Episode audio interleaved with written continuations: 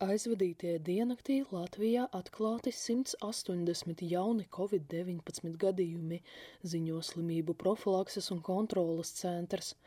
No tiem 30 inficētie bija vakcinēti. Miris viens cilvēks vecumā no 90 līdz 99 gadiem.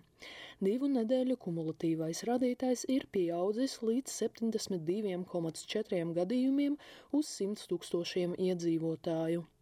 Stacionāros ārstēja 68 pacienti ar covid-19, no tiem 10 pacienti ir ievietoti slimnīcās otrdien, 13 pacienti ir smagā stāvoklī.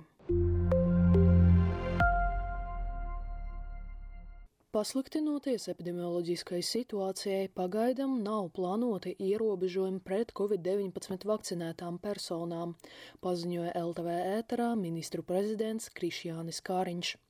Savukārt cilvēkiem, kuri nav imūni pret koronavīrusu, ir jārēķinās ar pulcēšanas ierobežojumiem. Tāpēc Kāriņš aicina cilvēkus vakcinēties. Saimas komisija jau trešo reizi izskatīja iedzīvotāju iesniegumu par brīvprātīgo vakcināciju. Iniciatīva savāca nu jau 50 tūkstošus pārakstu. Tās autors aicina politiķus apturēt likumprojektu par tā saucamo obligāto vakcināciju un izsludināt referendumu. Tikmēr pie ministru kabineta drošības iestādes uzlika puļa kontrolas žogu, gatavojoties šī vakara protesta akcijām.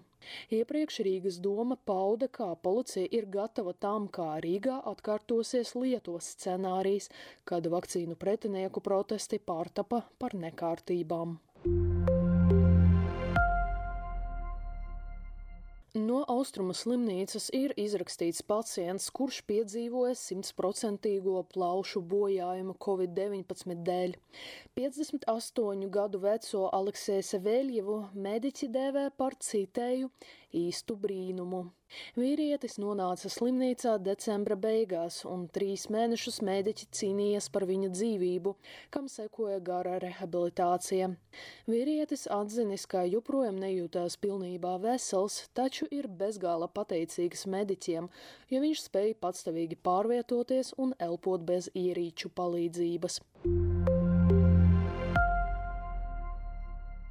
Vakcinēšanās pret covid-19 ir mīlestības darbs, uzsvēris Romas katoļu baznīcas pāvests Francisks, ziņo Leta. Pāvests piedalās vakcinācijas atbalsta kampaņā.